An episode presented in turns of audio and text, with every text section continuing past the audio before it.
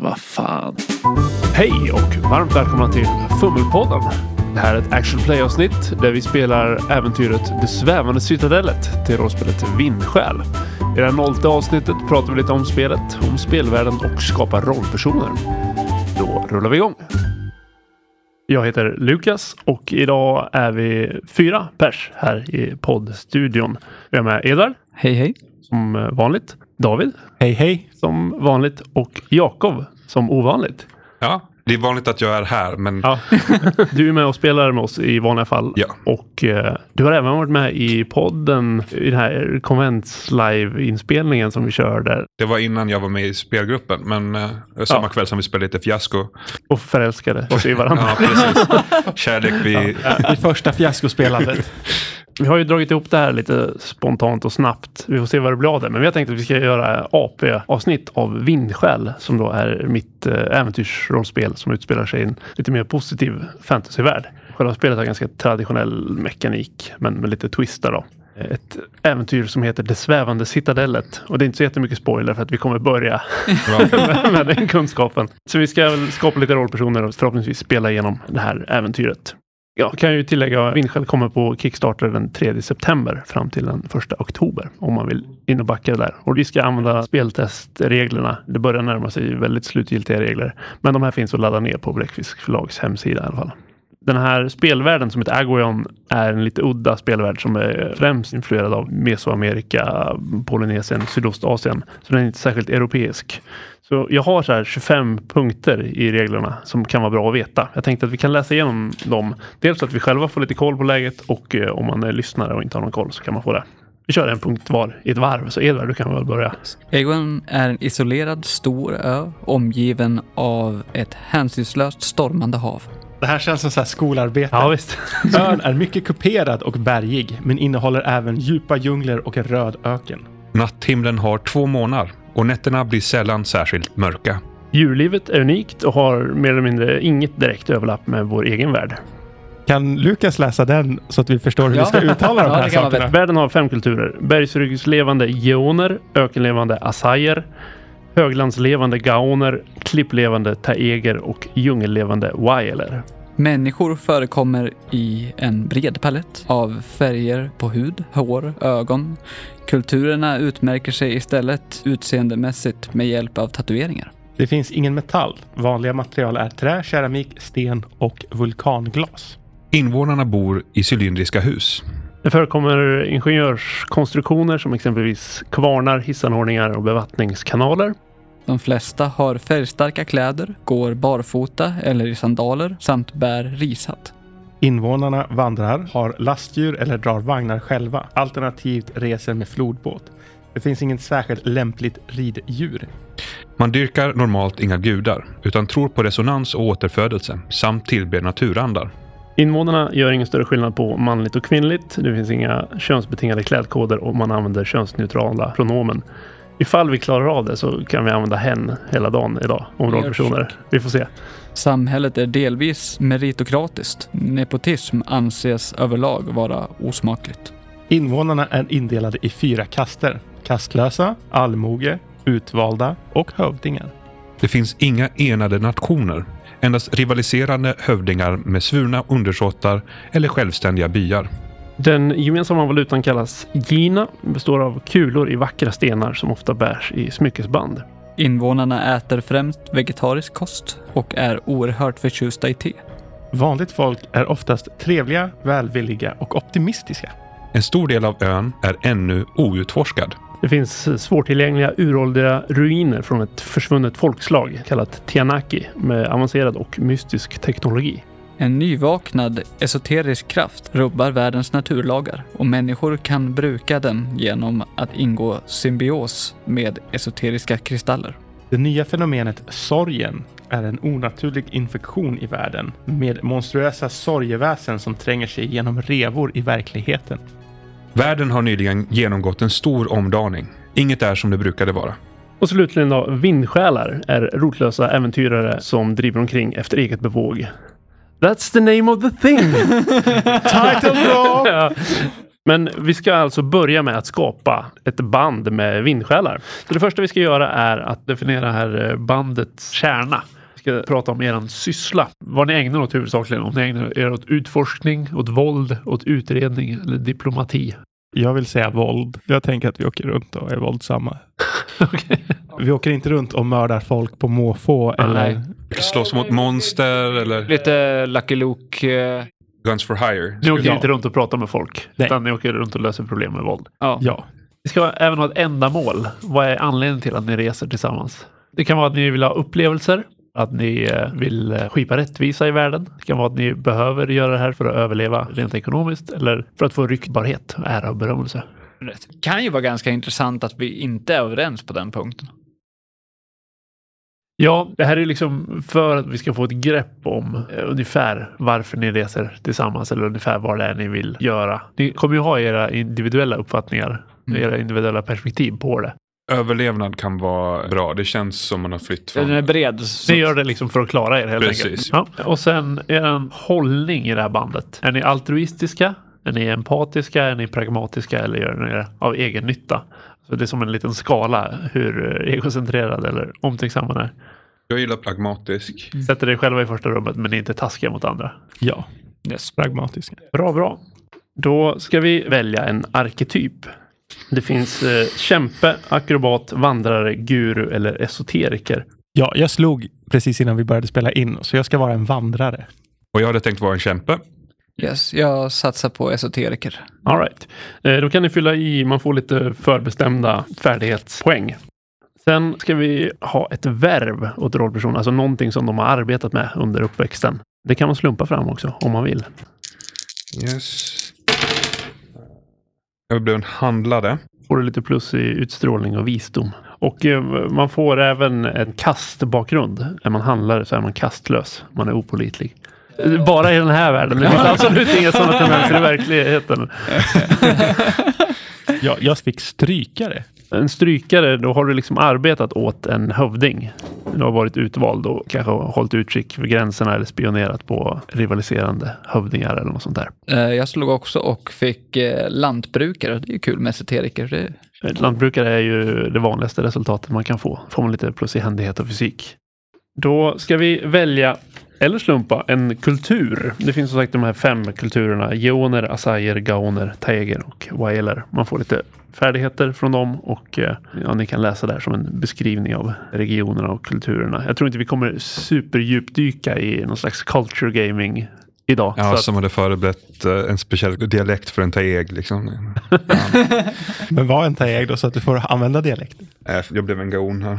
Då är du uppvuxen på höglandet, lite så här seminomadiska stammar.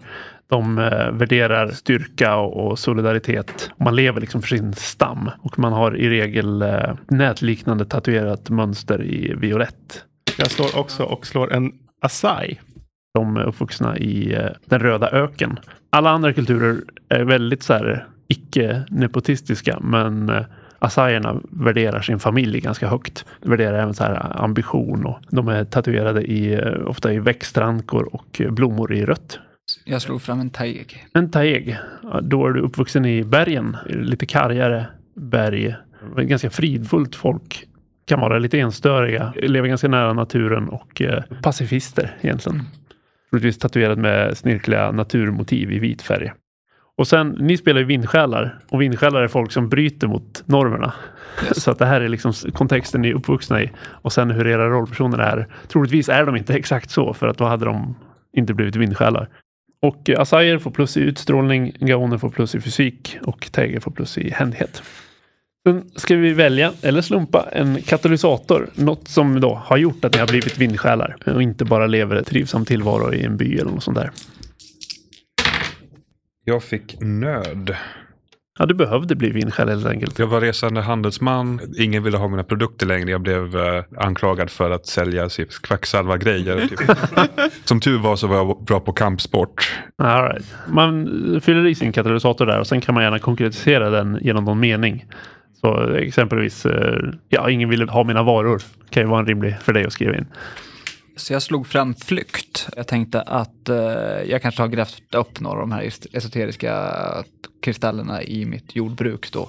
Right. Tagit hem dem för jag tyckte de var vackra. Och sen har jag upptäckt att jag då börjar ha lite förmågor som jag inte haft tidigare. Sättet man ingår i symbios med kristallerna är typ att man trycker in dem i kroppen. Okej, kanske finns väldigt mycket i mitt lantbruk så att jag kanske får flisor och sånt där när jag håller på och hackar Ja, det. och gräver. Så inte en avsiktlig och när jag väl nyttjar de här förmågorna blir jag då utjagad ur vårt samhälle. Känns rimligt. Då kan du skriva flykt. Mm. Jag är esoteriker. Kanske är rimligt. Kall. Jag är väldigt kall. Du frös. ja, men det är någonting att du ville helt enkelt. Du kände dig kallad att göra det. Det kan ju exempelvis vara typ att du inte kom överens med din hövding. Ja.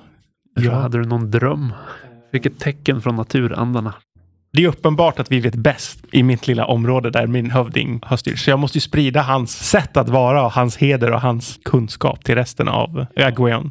Jag tror det är mitt kall, att liksom så här, sprida det här bra som vi kom fram till. Jag vet inte vad det är som är bra här, som jag ska sprida. Du är Men inte bara en vindsjäl, du är en eldsjäl också så anammat hans eh, kall lite väl mycket. ja, All right. Vi ska även ta fram lite personligheter och de här ska foliera varandra. Alltså, de ska kontrastera varandra på något sätt som skapar en, en spännande dynamik så att man bråkar om lite grejer. Och så kan de även harmoniera harmonera på olika sätt så att man kommer överens. Men det första vi ska foliera är personligheter, alltså någon form av grundläggande personlighetsdrag. Exempelvis att en är artig, ja då är någon annan barsk. Eller om en är, är cynisk, då är någon annan munter någon som känner för det helt enkelt säger ja men jag vill vara på det här sättet och sen får någon annan då säga att ja men då är jag nog lite på det här sättet för då folierar det. Man försöker få till att man folierar varje rollperson på minst en av de här tre punkterna vi ska foliera på varandra och sen kan man foliera flera på en och harmonera lite grann. jag vill vara formell. Det känns passande för mig. Jag kan vara avslappnad.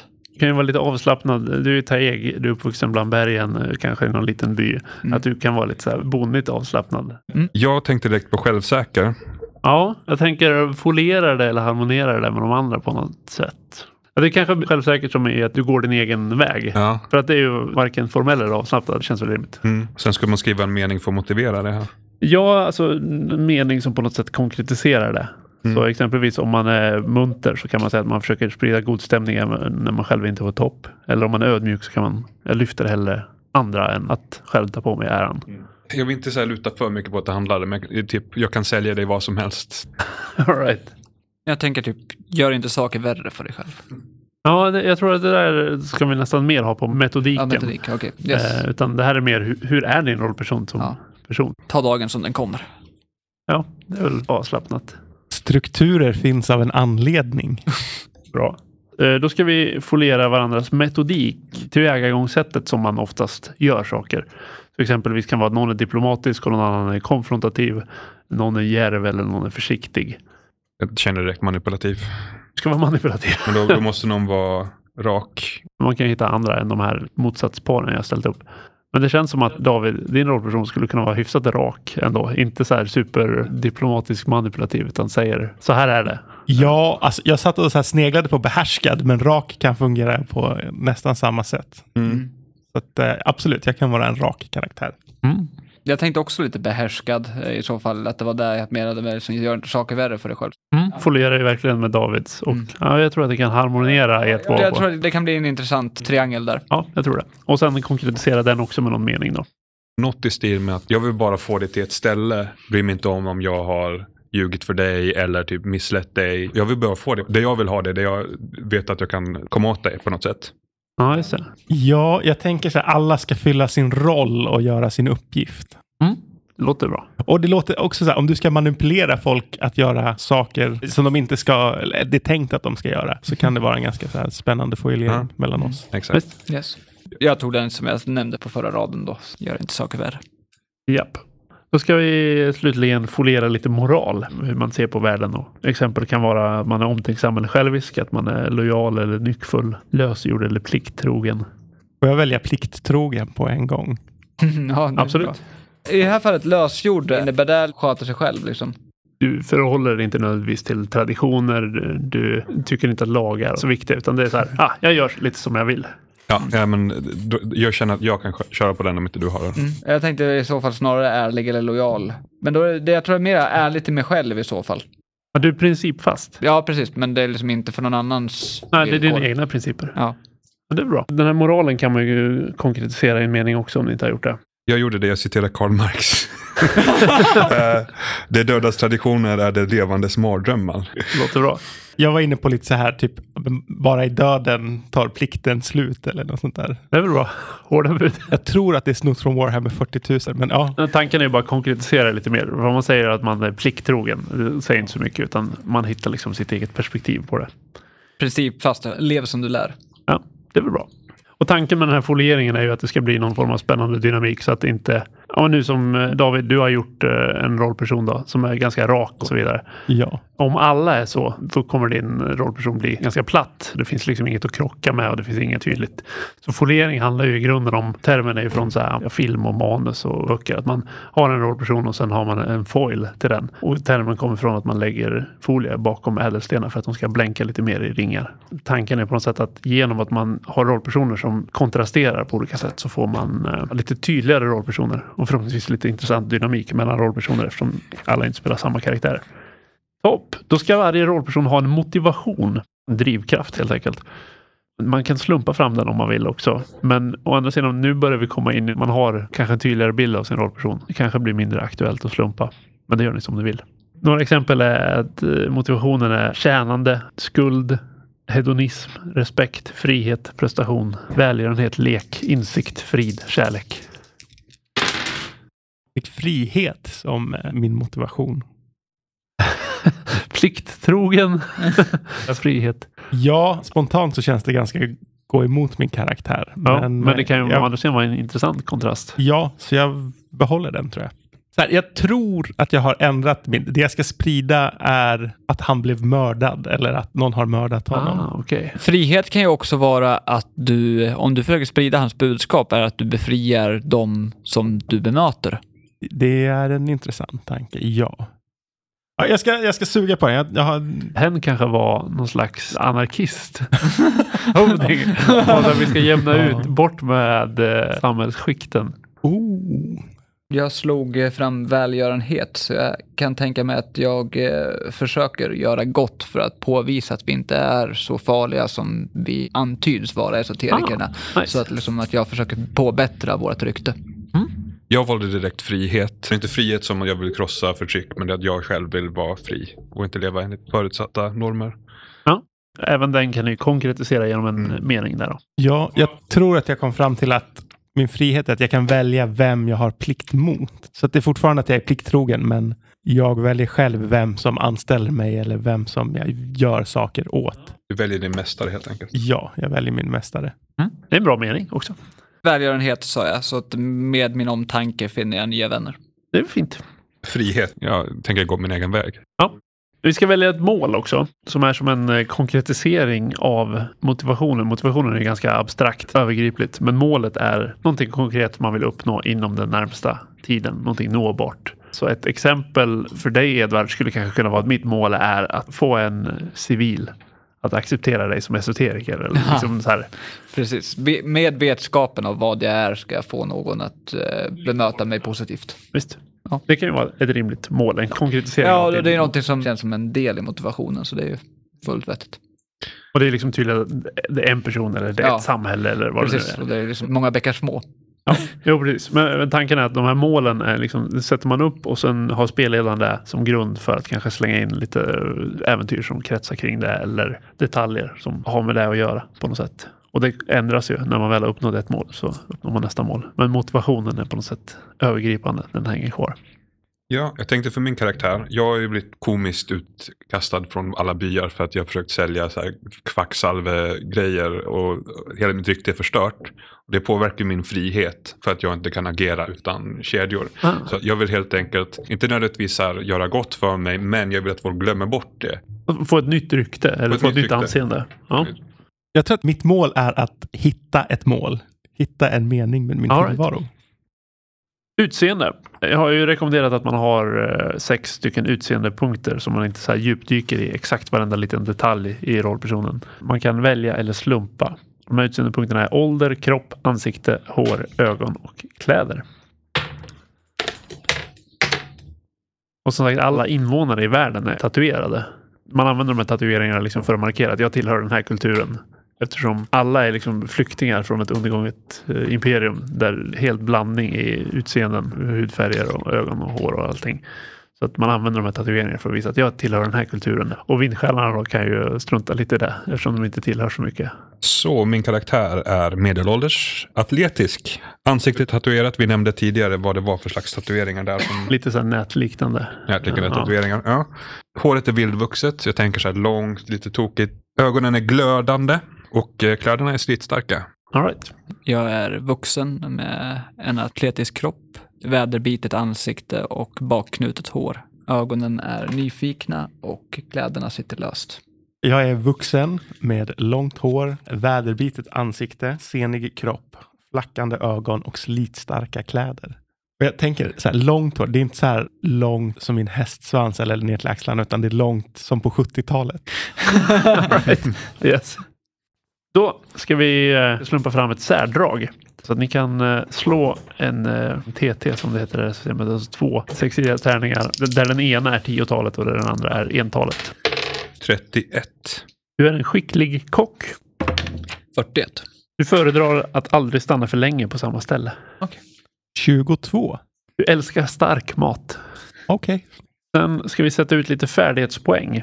Ni har ju fått lite från vilken arketyp ni har valt, lite från värvet, kastbakgrunden och kulturen. Ni borde ha 10 poäng utsatta just nu. Och sen då får ni sätta ut 5 poäng till utöver det, valfria. Och eh, som högst får ni sätta 5 nu när vi börjar. Redan har fått högre i någon så får ni flytta över den till någon annan. 15 totalt nu va? Ja, precis. Vad är du duktig på? Fysik har jag tre och kamp har jag tre på. Likaså utstrålning. Sen har jag lagt in lite observans och vilja. Yes. Jag är också klar. Kanalisering följs ju ganska naturligt som esoteriker. Eh, där har jag fyra i. Sen har jag satt eh, två i ganska många, så jag har eh, två i fysik, två i händighet, två i kamp, två i utstrålning och två i visdom. Och det sista på rörlighet. All right. Jag är duktig på händighet, observans, rörlighet och sikte. Men Vi ska även välja två förmågor. Och som esoteriker så kommer en av dem vara symbios. Just att du har förmågan att använda övernaturliga energier. Jag har tänkt att det här eh, äventyret kommer innehålla lite av allting. Lite fysiska grejer. Det finns risk för strid. Sociala grejer. Lite kunskaps eller hokus pokus grejer. Kampkonst är min första. Du kan kombinera dina attacker med en offensiv manöver, exempelvis avväpning, fällning eller att koppla ett grepp på en motståndare i utbyte med att förhand ta minus två. Vid lyckad handling avverkar du både motstånd och försämrar förutsättningar för motståndaren. Tror jag tar eh, nåda nådastöt. Vid extra effekt på stridshandlingarna besegrar du omedelbart en jämnstor motståndare. Gentemot avsevärt större motståndare får du istället ytterligare en extra effekt. Du har eh, kampkonst och nådastöt. Yes. Och jag skulle ta två stycken utöver symbios då. Nej, en utöver symbios. Okej.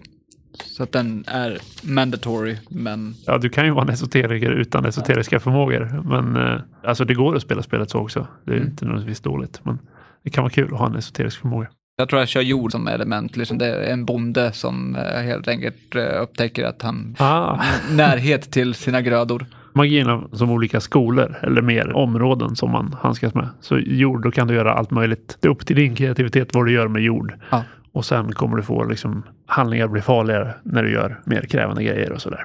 Symbios och eh, jord för Yes. din del. Jag väljer prickskytt och sjätte sinne. Prickskytt gör att jag kan eh, avverka ytterligare ett motstånd i utbyte med att ta minus två tärningar. Och sjätte sinne är att en gång per spelmöte kan du ställa en ja nej-fråga om en situation, person, plats eller ting. Spelaren måste då ge ett uppriktigt svar utan att slå något handlingsslag. Yes. Den är så rolig den förmågan. Alltså, det var mest att jag såg den och bara, ja den här är rolig, så den tar jag. Ja. Jag tycker den är rolig som spelledare också. För då händer det oväntade grejer. Och man tänker det här är svår information att få. Nej, just det, det var det inte. När ni har valt två förmågor så eh, ja, välja vilken packning er rollperson bär med er. Ni behöver bara definiera hur tung den är. Det finns liksom vissa standardföremål ni kan plocka fram eh, upp till den maxvikten. Så om man har lätt packning är standarden. Medelpackning då får man minus en tärning på alla fysiska handlingar. Och tung packning då får man minus två tärningar på alla fysiska handlingar. Räknas vapen in i den här utrustningen? Ja. All right. Jag ser ingen anledning att gå upp över lättpackning så jag kör lätt. Jag tog lättpackning. Lätt packning för alla. Då kan ni välja beväpning också. Vapen i det här spelet, här standardvapnen har inga särskilda regeltekniska effekter. Det är positivt att ha ett vapen om man hamnar i strid. Mycket mer än så är det inte i grunden. Det finns en lista där på lite olika vapen. Kampkäppar, svärd, spjut, yxor, skäror, klotrep. Och svärd, eh, som sagt i det här fallet, är inte av metall utan det är som en träsvärd med liksom små vulkanglasskärvor i. En kniv är bara som en liten skärva med vulkanglas med lindat handtag. Jag tänker att jag har eh, en kniv då för vanliga dagssyften egentligen som jag då skulle kunna strida med. Okej. Ni kan välja även eh, om ni vill ha någon skydd, om ni vill ha en, en sköld eller en rustning. Mängden skydd gör att man kan liksom motstå skador, typ. Inga negativa effekter annat än att de väger. Fiberutrustning, det är typ... eh, Amfiberrustning, det är en gambeson fast den är doppad i salt och eh, har här saltkristaller i sig. Mm, det låter coolt. Jag tror jag köper det. Kan du skriva hur mycket skydd den har så kan du liksom fylla i fullständigt de skydden du inte har. Så att du lämnar eh, i det här fallet två skydd kvar. Och lamellrustning är typ samma vävda plattor då eller? Ja, det är läderplattor. Eh, Som jag tolkar det, lätt rustning väger två för att rutorna är sammankopplade på. Ja, stämmer. Då. Så att man kan kryssa i de här rutorna så att man ser hur mycket vikt man har. Och sen finns det ju andra grejer här som en oljelykta, ett snöre, ett rep. Grejer som man kan plocka fram vid behov. Så vi behöver inte fördefiniera massa grejer. Så länge ni inte har någon idé om att jag vill ha en extremt specifik sak. Och sen eh, får ni börja med eh, tre proviant och fem gina som då är valutan. Proviant är typ mat och vatten för en dag. Har ni fyllt i er utrustning, då kan ni välja ett namn. Invånarna har eh, två namn. De har ett egenskapsnamn som beskriver hur man är eller vad man har för ambitioner och sådär. Det är någonting man i regel väljer när man blir myndig. Sen har man ett eh, personnamn som föräldrarna har gett en. Ja, jag valde redan innan när vi gjorde något annat. Orem, som betyder viljestark, eh, är mitt egenskapsnamn. Och Levi är vind. Viljestarka vinden. Jag valde Iva som egenskapsnamnet som betyder lugn och Naya som personnamn som betyder blomma. Den lugna blomman. Yes. Jag hade också tänkt att ta Iwa, men jag kan byta om till... Eh... Jag kan byta till Sora, du vill ha Iva. Ja, jag tror jag är gärna där om det går bra. Då hade jag tänkt att ta Iwa Kiwa. Jag blir då eh, den lugna klippan. Nice. Det är en ganska omfattande process att göra rollpersoner eftersom vi ska skapa rollpersoner och de ska foliera oss. Och nu ska vi även gå in lite på att definiera ert band. Vad ni har för, eh, för relationer och hur det kommer sig att ni reser tillsammans. Men eh, genom att lägga den här grunden så tänker jag att det blir ganska stabilt vad man spelar på. Vi ska bestämma historia. Om ni tittar på er rollfolder så kan man skriva upp eh, spelare, spelledare och de andras rollpersoner, vad de heter, så man kan komma ihåg det. Och historia till dem. Hur rollpersonerna känner varandra. Några exempel kan vara nybekanta, äventyrarkamrater, syskon, barndomsvänner, tidigare fiender. Man står i livsskuld till varandra. Man älskar släktingar, tidigare kollegor. Man har en gemensam fiende. Jag är alltid för att vi har liksom suttit i samma fängelse eller vi har hamnat i samma knipa och behövt ta oss ur. Vi kommer definiera ert första gemensamma äventyr. Men ska vi definiera det som det då? Att det är, vi flydde från ett fängelse. Jag gillar det också. Så att alla ni är så här nybekanta, ni känner inte varandra sedan tidigare utan ni är nybekanta. Då kan ni skriva det som historia till varandra. Och vi flyr genom att jag öppnar ett hål i väggen. Ja, precis. Eh, nu ska vi definiera den här bakgrunden. Ni försökte lösa ett problem. Vad utgjordes det av och hur angrep ni det? Ni satt fängslade allihopa, helt enkelt. I ett så här fångläger, Oh. tänker jag. Mm. Inte ett fängelse. Nej. Det passar perfekt med två rollpersoner som har frihet som motivation. Ja, det är bra. Ja, precis. Problemet var att ni satt i ett fångläger och ni angrep det genom att fly. Ja. Ja. Det här är lite semi-relevant bara eh, när vi kör en one-shot. Men i vilken region befann ni er? Antingen så är det i Geon som är den här liksom grönskade bergsregionen. I Asai som är den röda öknen. I Gaon som är det här höglandsområdet. Taego som är det här bergsområdet. Eller Mogwari som är en stor djup djungel. högland känns väl inte helt orimligt kanske. Ja, på det. Då får ni nämligen lite mer rykte i den regionen. Ni hjälpte en gruppering på något sätt. Vilka var det och hur gjorde ni det? Är det att ni fritog alla fångar kanske? Ja. Det känns lagom heroiskt. Men det är väl kanske fångläger i formen av arbetsläger eller tvångsarbete. Låter rimligt. Och ni ställde till det för en gruppering. De som hade Ja, de som hade fånglägret. Det är hårt att ha fångläger i den här mysiga världen och några riktiga rötägg. Vill jag inte utforska det i den här one-shoten. Något oväntat hände under er flykt. Vad var det? Vi blev förrådda av några andra fångar. Ah. Fan vad otacksamt. Ja. Ja. Fritar vi er. Ja, men... För att inte bli straffade mera så uh, säljer de ut oss. Ja, det kan vara rimligt. Eller helt enkelt att ni flydde tillsammans och de eh, typ saboterade flyktvägen för er. För att förbättra sina förutsättningar. Ja, Ja, men jag gillar nog den sista, att, att så här, när vi väl hade kommit därifrån så förrådde de oss. För det är ju vettigt att det kanske finns folk i fångläger som kanske förtjänade att vara där. Så att de kanske är lite mer skitstövel. Det här kanske inte är en fråga just nu, men hur gick det till slut? Lyckades ni lösa problemet? Ja, vi hoppas väl det om Ja. vi är på fri fot. Det finns ju liksom ingen lagmakt så. Det finns ju inga eh, nationer utan hövdingarna har sina små områden. Så att Om vi kommer dit igen av outgrundlig anledning så skulle det Precis. ställa till sig för oss. ni fick ett rykte om er i den här regionen. Vad säger det? Ja, men det är väl lite frihetskämpar slash rebeller. Ja. Och ni bestämde er för att fortsätta resa tillsammans. Hur kom det sig? Vi kanske praktiskt sett funkar ganska bra ihop. Att vi konstaterade att vi kompletterade varandra ganska väl.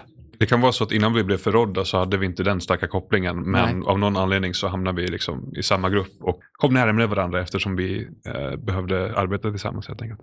Toppen. Vi satt alltså i ett fångläger oberoende av varandra, men bestämde er gemensamt för att fly. Ni lyckades frita i princip alla fångar och gjorde er ovän med fångvakterna. Ni blev förrådda av några av fångarna, men ni lyckades ändå fly. Nu är ni kända som frihetskämpar där och eh, reser tillsammans för att ni tyckte att ni fungerade bra ihop och ni har liksom någonting som förenar er. Mm. Då så, efter mycket om och men så har vi tagit oss igenom eh, att skapa varsin vindsjäl åt er och eh, ert band. Då, då eh, ska vi spela igenom eh, det här äventyret, eh, det svävande citadellet. Jag tänker att vi bryter det här för det här avsnittet och sen fortsätter vi med själva scenariot i nästa avsnitt. Bra! Yes. Du har lyssnat på Fummelpodden som presenteras i samarbete med Studiefrämjandet. Du får gärna gilla vår Facebook-sida eller kanske följa oss på Instagram. Länkar finns i avsnittsbeskrivningen. Har du feedback eller tips på ämnen, hör av dig via sociala medier eller skicka ett mejl till info@fummelpodden.se.